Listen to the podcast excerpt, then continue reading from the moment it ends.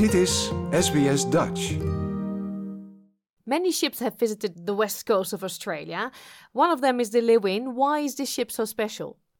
Well, it's special because now it's 400 years, of course, but it's because it's made an impact. And it was the most southwest corner of West Australia where any ship had been. But it was early days because the first one to come on the shore was 1616. It's not that far behind. Then the Houtmans, the Brollos, and a couple of others had made an impact at that point. But also because the Leeuwin has inspired so many, it's named, or the Leeuwin as we called it. We, we would definitely have in, insisted but well, we didn't insist, but we started to calling it the Leeuwin, and they all are doing that down in, in Augusta. But because it it has inspired so many other naming, branding, it's branded so many things. It's just somehow the name's inspired.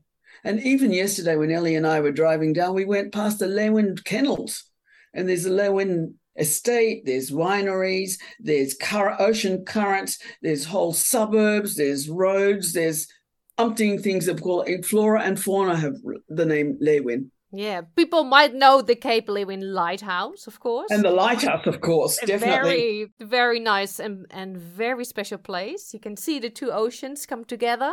That's right. So that's Um, where the, the current comes in, exactly. But it's interesting they could have called it anything. Yeah, so you just mentioned 400 years. Did they end up there accidentally, like many VOC ships? Absolutely, because Brouwer's route had been instigated around, well, he'd, he'd made the voyage in 1611 and realized that using the trade winds, the roaring 40s from the Cape, that the, the voyage was much shorter. And on top of that, fewer people died and the food stayed cool, it stayed fresh longer. So this all was a great improvement. Not that that helped the Leeuwin, because that actually took a year and a bit to make this voyage. And this is because it got becalmed in the Bight of Guinea, which often happens when if they go too far one way with the wind and don't correct a certain way, a lot of them get stuck on the equator and can't get off, which means that they then go into the bight to refresh food and water. So there's been a lot of discussions around this, the skipper of the Leeuwin saying that he must be incompetent. This is not the case. This is not what comes through the, the literature at all. Hmm. And quite the opposite, as a matter of fact. But in, it certainly is part of that whole story. So it's one of the first ships that I think it's about 150 kilometers that it actually um, maps, as did, of course, Hartog before them and Houtman, the Abrolhos. So you slowly see the unveiling of the West Australian coastline of the Great Southland, which was a mooted land, but not a, a, fantasy, they thought, in many ways, until these these ships start to unveil the reality of it, and but also the treacherousness of the shore hmm and the fact that because they've got to go a thousand mile and and ships mile uh, east after the Cape, they can't work out the um, longitude yet, and and very little is known of the winds and the monsoons at that point. And they later on they pull that back to eight hundred. Uh, Malin, and therefore you start getting shipwrecks along the West Australian coast, or the mapping, or the sighting. hmm All of those things are then part of the story from then on. So 400 years, that has been celebrated last weekend on Sunday in Augusta, of course. What was on the program that day? Well, on the program was in the morning. It was um, it was supposed to be near the lighthouse, which is a fabulous place to go to, and a wonderful views of the ocean from there. Are, they're really fantastic. But of course, the rain stopped that. It, the rain was just it was cats and dogs rain. You know that what we call that here. And so they changed the venue to the local town hall. And the local community were fantastic. They just got into that and changed the venue. There was huge support for this event. And of course, this event had already been delayed because, in fact, the Leeuwin, the Leeuwin, then went past, uh, called in at that place in March 1622. But this was just as good. I mean, we had a fantastic day, and the the ambassador of the Netherlands, Marion Derckx, she unveiled the, uh, a plaque, which is going up, has gone up, in fact, on the, on the lighthouse wall. There are a couple of others. Tom Derrickson, who was the consul many years ago here in West Australia of the Netherlands, he already unveiled a plaque at some point there as well. So we're adding to the plaques. And of course, I hope another plaque will go on after pretty soon with the name of the skipper. Yeah, we're going to talk about that soon. Yes. so, but look, there were amazing things that morning, and we had a lot of games that Ellie Spillicom had brought from the Dutch school here locally, and the children loved the. What were you saying? It was where you hit the the um Blik gooien. yeah. They loved that. They really loved hitting in that the kid. That was the most popular game.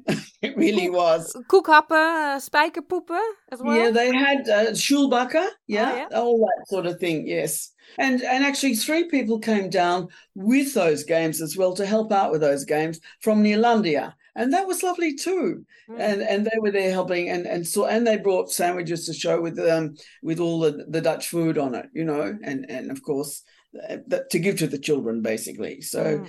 The children had a good time. It's nice to see it happen for the children as well Yeah. because often the children these events don't do things for children Mm. and now we could incorporate and they can remember it as an event which has got a name called Leeuwin, you know, and later on it'll make sense to them what that Mm. means. Yeah. So in the afternoon, there were a couple of talks. One of them was you, because you did some amazing research and you found the name of the skipper of the Leeuwin, because till now it was unknown who was the skipper. Well, look, I'd started working on this concept of the well on the Leeuwin in about 2012 when I went to the Netherlands on one of my research visits with Paul from the Lighthouse. And I did a lot of research in the National Archive at that time. Later on, the archivist sent me more information to check. And then we sort of called a halt to it because it was a long way off yet, 22. Yeah. And then last year, Paul, uh, he contacted me and I was still in the Netherlands because I was left there. I did a lot of projects in the Netherlands, but COVID kept me there longer. And so that there I was. And he said, well, shall we start digging up some more information about this? Consequently, I went looking and I worked with someone called Menno Leenstra, who has worked with me before when it comes to 17th century documentation. And uh, I think an important feature of this whole thing is that there's a lot more digitized material now. So the material available years ago for people to find this answer weren't, wasn't there, quite frankly. But it would have been there in the last four, five years, maybe, but people weren't looking anymore in that sense. Certainly, we know where, where we found it. So I'm there looking at the normal stuff which everyone's looked at before. And I'm thinking, I need to go somewhere else with this.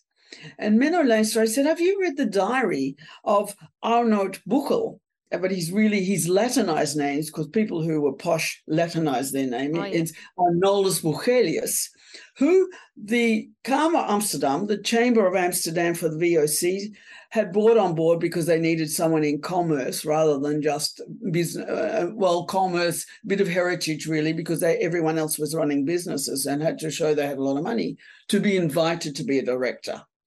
So then he writes a diary, but there's two copies, you see, of this diary. So so Menno says to me, look, I always read the first, the original diary, but the second one, the archivists have done a little bit of translating into Dutch and, and to better Dutch. I thought, well, that's my way, baby. I'm going to be looking at this one, you know. so I'm reading through his diary around the time that I should be reading there. And it's like the seventh, he writes, Finally, I made it from Utrecht. It's been such a severe winter, he writes in his diary, that I haven't been able to make it to the meetings. So, although we found names before that have been people that have put forward to be the skipper, we never see the resolutions at that point. So, you can never, it's never confirmed in his diary one way or the other. However, on the 8th, the next day, when he's actually going to the meeting, he writes, I couldn't get into the, the East Indies house today. There's women everywhere, he said, and they all think that we're hiring women to take them to the East Indies to populate and get married. And if they do that, they used to get a diary, a dowry, not a diary, a dowry when they arrived. And so for very poor women, this was good, although they really wanted women with a little bit more class, in, in fact, and they write later. I couldn't get in, but in fact, they're wrong. They're not being hired today, but they do actually do it sometime later, and they have done it before. Much later in, in the history, they stopped doing that because the the VOC just doesn't want to do that anymore. They want to concentrate on trade. But um, and so the next diary, in at the end of that diary, that very day, there's written, "We bought recently a boat from somewhere else. It never tells you where." But it's not good it's not up to the trip so we're actually in our in our yard in Amsterdam. We're enlarging it and we are strengthening it, and its name is Leeuwin. And it will go to the East Indies under skipper Jan Fransen van Hoorn. Ta-da. So then I'm, I'm, i write to my contact who put me into this because this is a story between Menno Leenstra and me. I neither of could, could have done it without the other because it's serendipity, nothing else. Because when I saw that, I thought, can't be that easy. you know, it's like, can't be. So I write to Menno in an email because it's still COVID. And, and he said, Oh my God, in the first book, the first, the original diary, those three sentences are in Latin. And he said, I got so involved with the women's story, I skipped over it, you see? And that's how it never got discovered. And of course, when the, the archivist did write that, no one twigged about the Leeuwin here. It, no one made that connection, you see. So then, of course, I follow that story through when it's ready and when it goes to Texel. So my article on this, which is written, the uh, Maritime History Association put out a special booklet for this event. And when it goes out, of course, it's in there. I follow that whole story through all the way to the Indies. But then, of course, that's I, you still need some verification at this point. Okay, you've got one thing, and there's nothing else to back it up. So later on, having I then go to all the documentation from the uh, the Castle Batavia, all the minutes of the meeting from the Raad van India, and on the next year, in the January, on the first day of that year, is a, is another entry. And what they do is when there's a change of status of any of the employees, it ends up in the resolutions and they resolved then, of course, to change something about the following people. And they mention a number of of um, skippers on different boats that come in who are going to have a rise in salary or have left the, the job or whatever. And amongst that is Jan Fransen van Hoorn on the Leeuwin came in last year with a letter from the Kamer Amsterdam, from the, the Chamber of Amsterdam, saying that he's a really good skipper and that they we should raise his salary from 50 realen then at the time to 70 per month and give him a better ship.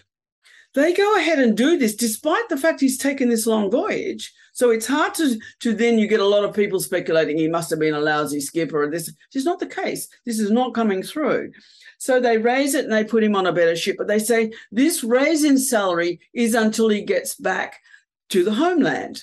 But the only other things we've been able to find since, and it's since the article, is his some jobs staying in the East Indies. And we think that it, when he eventually goes back after four or five years, he goes back again on the Leeuwin. which is another extraordinary aspect. But Jan Fransen, then I went through a lot of documentation in um, the city archives in Amsterdam looking for contracts. Because usually, if you have the, the transport contract, the skipper is often named. Didn't find that. I did find in the Hoorn archives, but this could take a lot longer because not all that stuff's been been digitized. But out of the notary documents in Amsterdam, which I've used before for other other research for in the Indies, sometimes you find quite a lot of stuff already because it has been done. But in the amongst the births and deaths, these have been done. I found a Jan Fransen in Hoorn marries the um, Jansdochter, so Jans because of course there was no surnames. This Jan Jan Fransen, it comes from son of France, of of course, you know, Jan yeah. son of France, who's then translated into Fransen. That's and they've already done that in in, in the diary. So he's married, um, which is about the time. And Jan Fransen was in the Hoorn. Uh, he was a contemporary of uh, Jan Pieterszoon Coen. They're around the same time, and of course they both both end up in Batavia.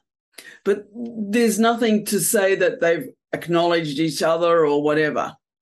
And of course, the skipper on the way back is not Jan Fransen, but it's an also an interesting voyage because it goes in in collaboration, sailing together with an English ship for safety, the Kleine Ems. And so that's also another part of the story which I found just as interesting to see how this this panned out because they're actually they're they're supposed to be working together to stop the Portuguese, and in fact they do nothing but awful stuff behind each other's backs, you know. And eventually they've got to sail together, and each month one of the others is allowed to be the front ship with their flags up, and then they've got to change it. And but the the um the directors or the or the rat say, but don't go any further than into the Atlantic uh, between uh, going to the Netherlands. Don't go to England. Don't go to France because we're scared you'll be stopped because that often happened. You know, they stopped them and then took all the stuff off. Yeah, so his name, it was always there. It was always there, and it it um it really gives Augusta a sort of chance for a sister city, you know, with Hoorn, which would be lovely because of course we have the West Westfries Museum. Yeah certainly I've had two exhibitions in the Westfries Museum, and it's always to do with the with with the VOC, of course, and aspects of that story. So this would be the next one to do in that sense. Yeah. So what did you do? A dance when you you found it? no, I was sort of this can't be this can't be right. Actually, I really did. I thought, nah, nah, it couldn't be. Nah, it's got to be harder than this. Even though I'd spent so much time digging, when it came, it felt something else must have happened. You know. But then when Menno said, yes, it is. yeah, a very important piece of the puzzle. So you revealed that on Sunday in Augusta. How did, did they respond? Well, it was. Well, I think I think it takes a while for people to get in get in the head because the average bot is not aware is aware of the Leeuwin, but less aware than us researchers that it hasn't he hasn't got a name yet. The captain, you know, or the captain they say here, but it's the skipper in Nederlands. And so, but it, by the end of the time, yes, they're, they're going to have more festivals and, and it's going to be definitely part of it because that's what they were saying before we left. You know, like, yeah, you guys are going to come down next time because, you know, we'd love to have the ambassador, but we're frightened we're not going to get the ambassador every time, you know. And, and we're sort of on board here in West Australia, Ellie and I, because we both work in, different aspects of, of the, the story, of course. But it is now, of course, I want to publish that it's published in in this commemorative journal, but it has to go into a, into an a, academic journals now so that I can claim it. You know. Yes. Yes. Well, congratulations. Thank you. I'm pretty sure we're gonna talk soon because you've got so many stories to tell. Thank you so much, Nonja Peters. Thank you. Like, deel, geef je reactie. Volg SBS Dutch op Facebook.